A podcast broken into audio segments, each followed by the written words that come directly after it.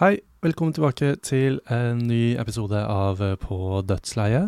Denne gangen så blir det en, eh, nok en gang en eh, litt, annen, en litt annerledes episode.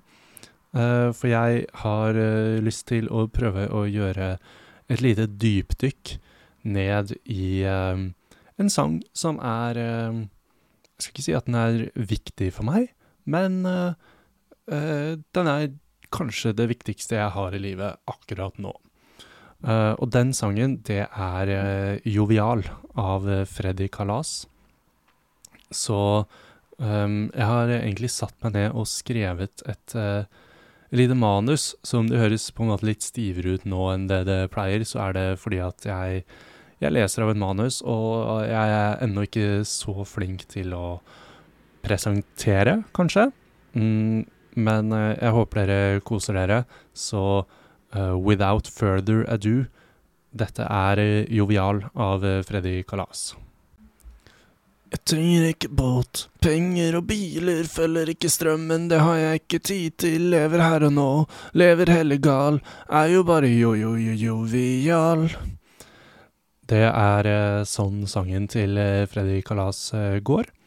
Mm, og jeg har delt opp, delt opp denne episoden i noen deler um, faktisk hele fem deler, og det er ekskludert avslutning, så seks deler inkludert avslutning. Så da tenker jeg at vi nok en gang bare setter i gang, for dette her var heller ikke en scripta greie. Jeg følte jeg bare måtte ha en litt mer formell intro, så det endte bare opp med at jeg nok en gang sier da setter vi i gang. Del én Titanic. Den 10. april 1912 så legger Titanic ut på sin jomfrutur fra Southampton i sørlig England til New York. Titanic var i sin tid, sammen med søsterskipet Olympic, det største og mest luksuriøse passasjerskipet. Men det var også av de tryggeste. Skipet var konstruert ned til hver minste detalj for å håndtere alskens av uhell et skip kunne møte på, og med sine 16 vanntette kammer ble det sagt at skipet var usynkelig. Vi har mange av oss sett James Cameron sin film fra 1997, uh, og selv om den tar seg noen kunstneriske friheter, så beholder den én viktig detalj. Titanic synker. Rett før midnatt den 14. april så kolliderer Titanic med et isfjell som fyller fem av disse vanntette kamrene. Titanic kunne holdt seg flytende med fire, uh, men skjebnens ironi, alt det der, blablabla. så etter rundt to og en halv time så ligger Titanic på havets bunn. Skipet har holdt seg flytende imponerende lenge, men det som til da var den mest dødelige ulykken til havs, er nå et faktum. Den 18. juni 2023 starter den nedsenkbare sylinderen Titan, Titan, sin ferd ned mot Titanic. Og hvorfor? Jo, fordi når du har så mye penger at penger ikke lenger har en betydning, så holder det ikke med en ferie til Granca. Nei, da må man ned på 3800 meters dyp for å se på skipsvrak, til tross for at du på Granca ikke trenger å være innesperret i en tube med fire av dine fars venner. Det er bare sånn livet er, og det er ingenting galt med det. Men Titan hadde også et annet formål enn kun å spise de rike, nemlig forskning. Titanic ligger i det som enkelt forklart er en undersjøisk ørken. Du finner ikke så mye artig der, det er bare jord, men denne gangen så er den jorda våt. Og det heter kanskje gjørme. Det eneste som bryter opp denne ørkenheten, er Titanic selv. Uh, og det har gjort den gamle hingsten til litt av en oase. Liv florerer nemlig inne i Titanic, ikke av spøkelser og Jack Dawson, men av bakterier og ting man ikke kan se. Man har funnet bakteriearter på Titanic som, ikke, som man ikke visste at fantes. En av disse har til og med fått en navn basert på dette. Halomonas titanicae. Og hva vi skal med disse bakteriene, det vet ikke jeg, og det orker jeg ikke å finne ut av, for det er ikke det som er poenget mitt i denne episoden her. Hvordan en bakterie som er så kresen at den krever det ubeboelige forholdene man finner på 3800 meters dyp, og som imploderer selv de beste av oss, og som trives best på 121 år gamle skipsvrak, angår meg, det aner jeg ikke, og jeg tror helt ærlig at det ikke gjør det. Det som er sikkert, er at det som var datidens mest dødelige ulykke til sjøs, og som krevde 1500 menneskers liv, hvorav de fleste var arbeider- og tredjeklassepassasjerer, mind you, har gitt et paradis for de minste av oss. altså bakterier. Og det er kanskje litt vakkert? Kanskje? Svar ærlig. Del to. Hvem er Freddy Kalas? Den 12. februar 1990 kommer lille, store Fredrik Auke til verden. Han har det jeg må anta var en grei nok pluss oppvekst i Drammen. Wikipedia sier ikke så mye om Fredrik sitt privatliv og oppvekst, og siden Wikipedia er den eneste kilden på internett, så blir jeg nødt til å fylle hulene til mora di, samt livet hans, helt selv. Fredrik er ikke gamle karen før han finner lidenskapen for to ting som skal bli helt sentralt i hans karriere. Musikk, som på mange måter er en grunnstein i en artists liv, og hatten sin. Fredrik elsker hatten. En julemiddag mot slutten av 90-tallet fremfører Fredrik en rekke klassiske julesanger for den øvrige familien. Han akkompagnerer seg selv, så å si, med litt piano. Det er etter en spesielt rørende versjon av O helga natt at Fredriks bestemor utbryter Han er jo et musikalsk geni!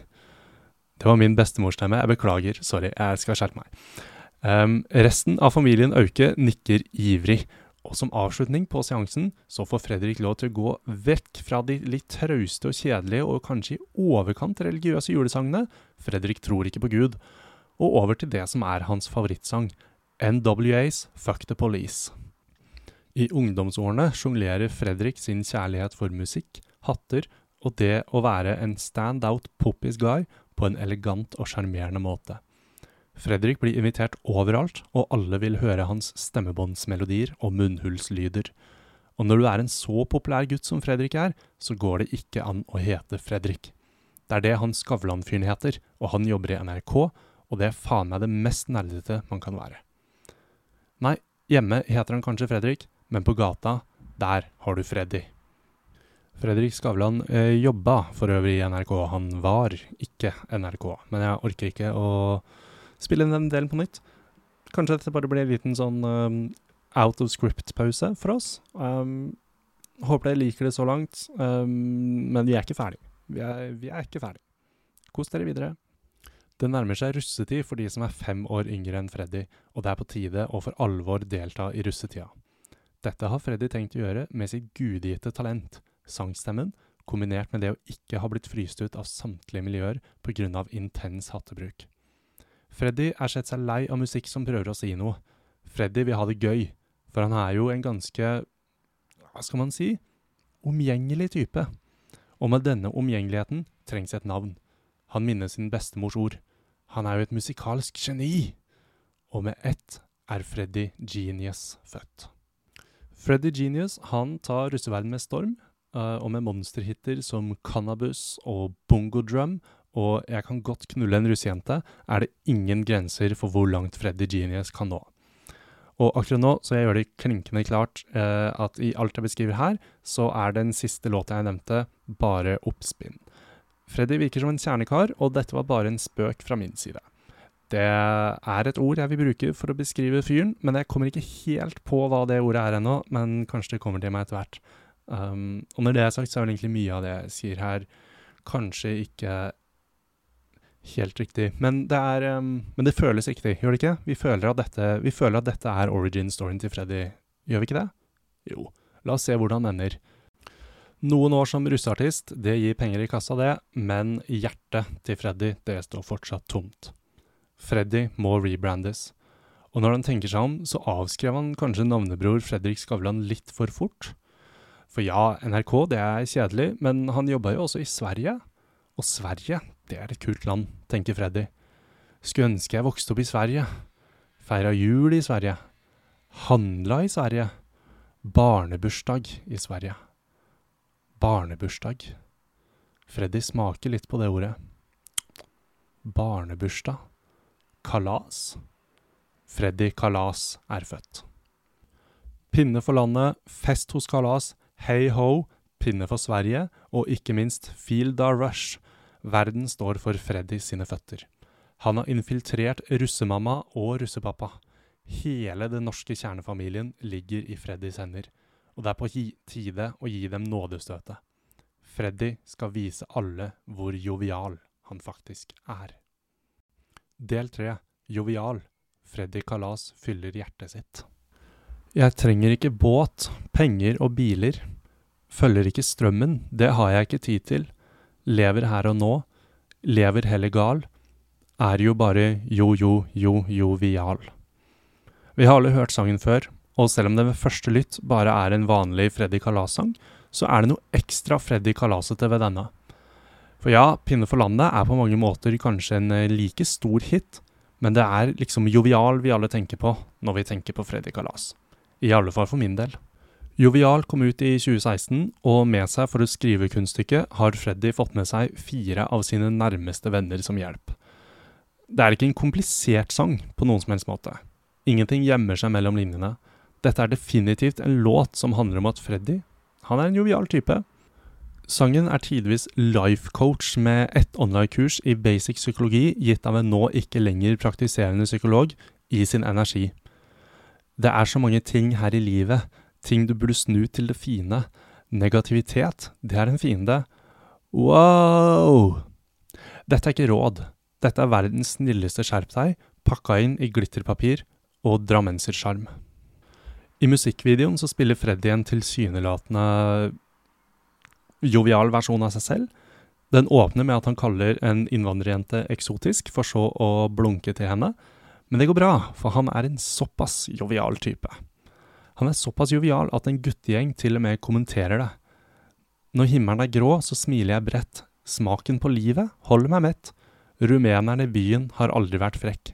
For jeg er bare jovial. Dette er en gladsang, og du skal være ganske hjerteløs om du ikke lar deg rive litt med når Freddy senere i sangen blir banka opp. Det er jo en artig liten sak, og kanskje en liten håndstrekning til de av oss som ikke anser oss selv som kalasere. Han vet hva han er, og det er greit. Vi er enige om å være uenige i hans eksistens. Jeg seiler meg gjennom bølger og storm, gnisten i livet kjennes enorm, så lenge jeg lever er jeg i form, for jeg er bare jovial. Jeg vil på det tidspunktet her bare understreke at jeg virkelig ikke har noe imot Freddy, og jeg har det bare litt gøy på hans bekostning. Uh, fordi han er en offentlig og suksessrik person. Jeg ønsker ikke Freddy noe vondt, og selv om det kanskje ikke virker sånn, så er dette faktisk et kjærlighetsbrev til hele sangen Jovial. For Jovial er en rett fram låt om en fyr som er så jovial at det er til å bli gal av og for å hamre det inn så avsluttes låta med sitt kjente refreng hele fire ganger. Det er ingenting mer ved denne låta. Den er Freddy Kalas through and through, og det er ikke noe mer å si om det. Del fire, Disneys Moana. Hvert bidrag teller. Um, I denne delen så låner jeg slash stjeler noe voldsomt fra Lincy Ellis sin YouTube-video 'Pocahontas was a mistake and here's why'. Um, og jeg kan anbefale den videoen til alle der ute som liker videoer, men for her gir jeg egentlig bare en liten sånn TLDR. Representasjon i kunst er svært viktig, og hvis du tenker noe annet, så vil jeg sitere Freddy Kalas og si at det er noen ting du bare må snu til det fine. Pocahontas ble ikke den monsterhiten Disney hadde sett for seg. Den fikk faktisk en del backlash. Dette gjaldt alt fra at den portretterte både engelskmennene og urbefolkningen i USA som, om ikke like ille, så at begge måtte tilpasse seg hverandre. Filmen legger ikke skjul på at britene kommer for å drepe oss stjele land, men de som allerede bodde der, kunne jo vært litt mer chill om akkurat det. Hele produksjonen var gjennomsyret av den oppleste og vedtatte historien om hvordan europeerne kom til USA. Og selv om den ikke nødvendigvis glorifiserte dem, så var det grenser til hvor ille disse britene da kunne være. Det gikk jo an å snakke med dem, og de endra faktisk litt mening underveis. Men Disney lærte sakte, men sikkert leksa. Og det er ikke meg som sier at de er ferdig utlært, da. Uh, og fikk i senere produksjoner mer og mer hjelp bak kamera av folk som representerte kulturene de portretterte. Jeg har ikke tenkt å gå inn i en lang diskusjon om hva slags rolle Disney har, og hvordan de håndterer den rolla, og hvordan uansett hvilken kultur de nå måtte hente inspirasjon fra, så er målet deres fortsatt å lage filmer og historier for et vestlig publikum. Denne episoden handler om, og jeg kan ikke understreke det nok, Freddy Kalas sin sang Jovial, så noen temaer må jeg dessverre styre unna i denne omgang. Taika Waititi, en av mine personlige favorittregissører, var med i tidlig produksjon av filmen Moana. Uh, denne filmen handler om jenta Moana og hennes reise. det, det, er, det er plottet. Uh, filmen låner mye fra stillehavskultur, deriblant fra maori, maori, maori, maori, maoriene Maori, fra New Zealand. Uh, Taika er selv av maorisk slekt, og ble derfor en naturlig kandidat for Disney å inkludere i prosjektet sitt, i deres søken etter bedre representasjon. Men Disney er fortsatt et av verdens største selskaper, og med det ikke vår venn. Og det her, det vet også Taika. Og han sa selv om sin involvering i prosjektet at for å forhindre nok en mystifisering av urbefolkning, så kunne han i hvert fall sette seg ned med dem og gjøre sitt for at resultatet ble så bra som mulig. For hvert bidrag, det teller. Del 5 Freddy Karl Marx Jeg løy i stad da jeg sa at det ikke var mer å si om Jovial. For det er så veldig, veldig mye mer. Eller sånn det er, så, det er ikke så mye, men det er litt, i hvert fall. Um, for det er en tolkning til av teksten som ligger gjemt både i og mellom linjene. Men jeg må advare om at den kanskje er litt søk, og kanskje til og med litt tullete. Samtidig så er den ekstremt tydelig. For tolkningen gjemmes kanskje litt av Freddy selv, altså personen og entiteten og energien Freddy Kalas. For jeg er sikker på at det Freddy ville at vi skulle få ut av sangen, er det vi allerede har fått ut. Han er jovial, og hvis du vil være jovial som han, ja, så her har du oppskrifta. Jeg tror ikke Freddy vet hva slags krefter han leker med, og jeg tror ikke det kommer fra han. Og bare for å tydeliggjøre denne syltynne linja jeg jobber på her, så kan vi ikke si at Freddy er Disney, og en av de stakkars låtskriverne er Taika. Dømt til å skrive en låt om hvor jovial han ene gjengen er. Og det var jo ikke sånn livet som låtskriver skulle bli. Og hva gjør man da? Jo, man sniker inn litt skjult mening som går så langt over hodet på hovedartisten selv um, at uh, Ja, han merker ikke noe. Merka dere at uh, den delen her også var unscripta? Svar ærlig. For jovial handler ikke om en fyr som bare er jovial og grei. Den stikker ganske mye dypere enn som så. Jeg trenger ikke båt, penger og biler. Jovial handler om kapitalismens verste mareritt. En person som ikke kan kjøpes. Dette er en person som ikke følger strømmen. Denne personen godtar ikke at livet må være slik vi er lært opp til. Hen tar tilbake sitt eget liv. Og hvis det gjør hen gal, so be it. Den euforiske gleden av å kunne være seg selv og da være der for de rundt deg og bidra på din måte, det er ingenting som kan måles med det. Man trenger ikke båt, penger og biler når man lærer seg fint å ha det uten. Freddy Genius sin suksess er irrelevant. Freddy Kalas trenger mer. Ok, tenker du kanskje, og hvis jeg får fortsette å legge tanker i hodet ditt på en veldig sånn hersketeknikkende måte, så tenker du kanskje videre, dette er jo bare refrenget. Det trenger ikke å være noe dypere mening enn at rikdom og penger ikke er alt her i livet. Men det er ikke det teksten sier, og det er derfor jeg ville at du skulle tenke akkurat det, for da kan jeg slå tilbake med nådestøtet. Freddy synger ikke at rikdom og penger ikke er alt, han synger at det ikke er verdt noen verdens ting. Jeg driter i om regninga er for høy, synger Freddy. Og her svarer personen på tiltalen om hvordan skal du egentlig betale regninger? Med en sylfrekk liten 'jeg bryr meg da faen'. Det er ikke viktig.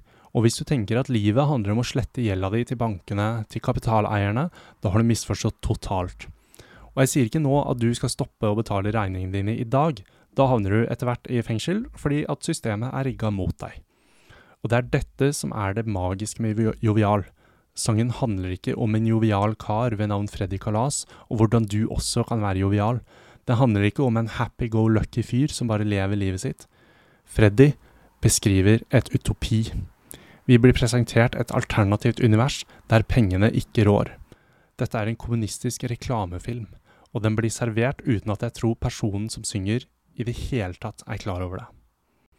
For her er det nok definitivt en annen av låtskriverne som eventuelt har herja, for jeg kan ikke understreke nok hvor lite intensjonelt dette var fra Freddy sin side. Uh, og det var derfor jeg snakka om de Titanic-greiene, for jeg er så smart og flink. Um, men jeg vil også ikke si at Freddy Kalas er like ille som 1500 døde. Men ja ja, det heter kunst. Prøv å sjekke det ut en gang. Uh, og når du først går ned den ruta her ved å tolke jovial på den måten, så er det veldig vanskelig å snu. Det, han synger 'Jeg bryter av meg lenkene og blir fri'. Og akkurat det er som hentet ut av det mest marxistiske av litteratur. Og med dette synet så blir selv de verste delene av jovial noe inspirerende. Det er så mange ting her i livet, ting du burde snu til det fiende. Negativitet er en fiende. Wow! Det var nok litt feil av meg å bruke ordet utopi nå i stad. Um, og jeg la inn denne feilen selv fordi jeg tenkte det var gøy. Jeg skrev det jo, så jeg kunne bare endra, men jeg gjorde ikke det, så blæ, blæ, blæ. Um, for samfunnet vi blir presentert, det er ikke uoppnåelig. Vi må bare snu på hvordan vi ser ting. Og det er negativiteten vår, og kanskje til og med frykten, som gjør at det er vanskelig for oss å se. Kanskje er det til og med ubehagelig. Men hvis det at man har troen på noe sånt, gjør en gal, ja, da er det heller gal jeg vil være. Del seks konklusjon. Men hva gjør vi med det her? Jovial vil for alltid være linket til Freddy Kalas. Hvorvidt dette er forhindrende eller på sin helt unike og dumme måte noe vakkert, det lar jeg være opp til deg, uh, du som hører på. Håper det er noen. Men det er uansett hvordan man vrir og vender på det, Freddy Kalas og hans medlåtskrivere sitt verk. Og selv om ingen av dem kanskje ser det venstreradikale bildet de maler uh, med sitt eget verk, så betyr ikke det at de ikke skapte det. Enhver tolkning av Freddy Kalas sitt verk ville ikke kunne eksistert uten at Freddy Kalas lagde det. Og til det så sier jeg bare Bra jobba, Freddy. Stå på. Heia. Kom, kom med noen nye låter snart, da. Feel the Rush var dritbra. Den var på engelsk, var den ikke? Feel the rush in your body, feel me move Det var ikke noe, ikke noe sånn? Mer Freddy. Mer Freddy. Kanskje litt Freddy Genius snart. Jepp. Gi meg litt Freddy Genius. Ha, som jeg savner Freddy Genius. Jesus. Um, I årets sesong av TV 2 sitt uh, kjendispro kjendisprogram Hver gang vi møtes, så var Freddy Kalas en av artistene som skulle hedres. Um, og for de av dere som ikke har sett eller hørt om det, så er Hver gang vi møtes et program hvor de samler seks, sju, åtte artister, og de tolker hverandres låter.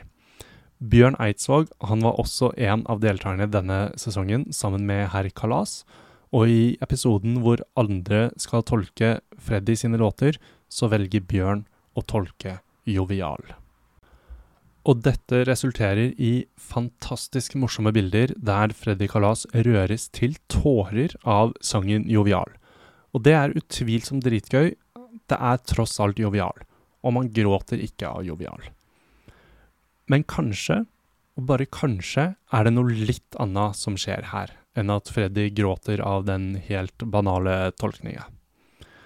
For når du fjerner Freddy Kalas fra jovial, når du fjerner det at han kaller innvandrere for eksotiske, for så å winke litt til dem, og når du fjerner hans Freddy Kalasete rytmer og melodier, og når du lar en visesanger som Bjørn Eidsvåg la teksten stå i sentrum, ja, kanskje da skjønner Freddy hva han har vært med på å skape.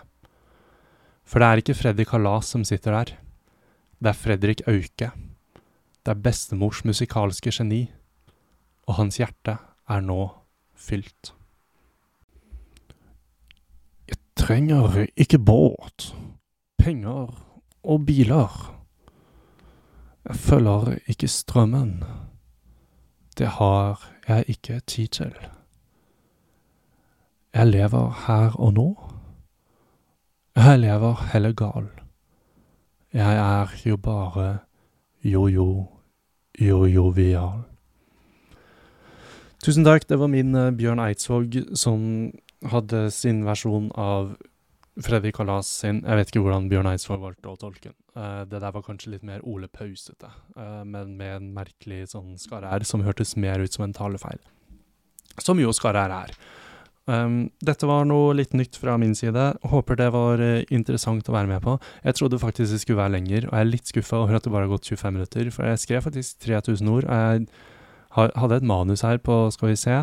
Nå teller vi sammen. Én, to, tre, fire, fem, seks og en halv side, ja. Um, så jeg trodde kanskje det skulle strekke litt lenger. Jeg beklager, jeg beklager det. Uh, til noen så lovte jeg tre kvarter, men uh, ja, jeg kunne sikkert ha pressa ut noe litt mer. Jeg var jo på ganske tynn grunn da jeg inkluderte både Moana og Titanic og sånn der, men uh, jeg må jo bruke det at jeg bryr meg om Titanic, og det at jeg så en video om Moana til noe. Mm. Så yes, det var egentlig det. Uh, dette er meg som bare rabler litt og litt tanker og sånn i ettertid. Jeg håper dere hadde det gøy. Um, kanskje lærte dere noe. Um, er dere enig? Det er kanskje, det er kanskje sånn relevant. Sånn um, For nå la jeg bare frem saken min om én måte å tolke Freddy Kalas sin Jovial på, som en litt sånn moderne kommunistisk manifest. Men det betyr jo ikke at det er riktig. Uh, det er mest sannsynlig Sånn, det er jo definitivt ikke riktig, for det var ikke det Freddy mente, men um, Ja. Uh, ble, dere, ble, dere, overbevist? Hvis ikke, hvor var svakhetene? Hvor var Sånn, den Moana-delen var definitivt en svakhet, sånn vi kan være enig i det, men sånn, hvor var svakheten i argumentasjonen? Jeg argumenterte kanskje ikke så mye, jeg vet ikke. Uh, nå ble jeg bare litt sånn usikker på hele greia. Men um, Nei, jeg tror det ble gøy. Uh, jeg tror bare kanskje ikke det ble så argumentativt som jeg tenkte at det skulle bli. Um, jeg hører så mye mer naturlig jeg høres ut nå når jeg ikke har manus, og hvordan jeg bare herjer litt. Men uh, det, dette var egentlig det. Um, jeg skal på en hyttetur i helga. Kanskje jeg skal spille denne foran alle på hytteturen. Um, jeg tviler på at de går med på å holde kjeft i 27 minutter, bare for å høre Ikke på meg ikke på meg i rommet engang, men en innspilling av meg. Men hvis jeg gjør det, og vi har kommet til det punktet her, så er dette litt easter egg til den, uh, den situasjonen, da. Men det, men det, skjer ikke. Men uh, yes. Jeg skal ha toast-kveld i kveld. Får noen venner på besøk. Det blir veldig hyggelig. Vi skal lage toast, så det, det blir, um, som de sier, faen så bra. Og så håper jeg dere har en flott dag videre. Ønsker dere masse godt. Um, og jeg håper at jeg leste inn alle avsnitta, for det merker man kanskje, men det blir liksom Jeg leste ett og ett avsnitt, for jeg orker ikke å lese masse, masse, og så si en feil ting, og så bli sånn Som man jo lager som lyd. Um, og jeg håper jeg har med alle delene, og jeg håper at de er i riktig rekkefølge. Og hvis det er en del som kommer to ganger på rad, ja, da var det kanskje fordi det var ekstra viktig, da. Så kos dere, litt med det. Mm, ja, nå har jeg vel dratt ut dette lenge nok.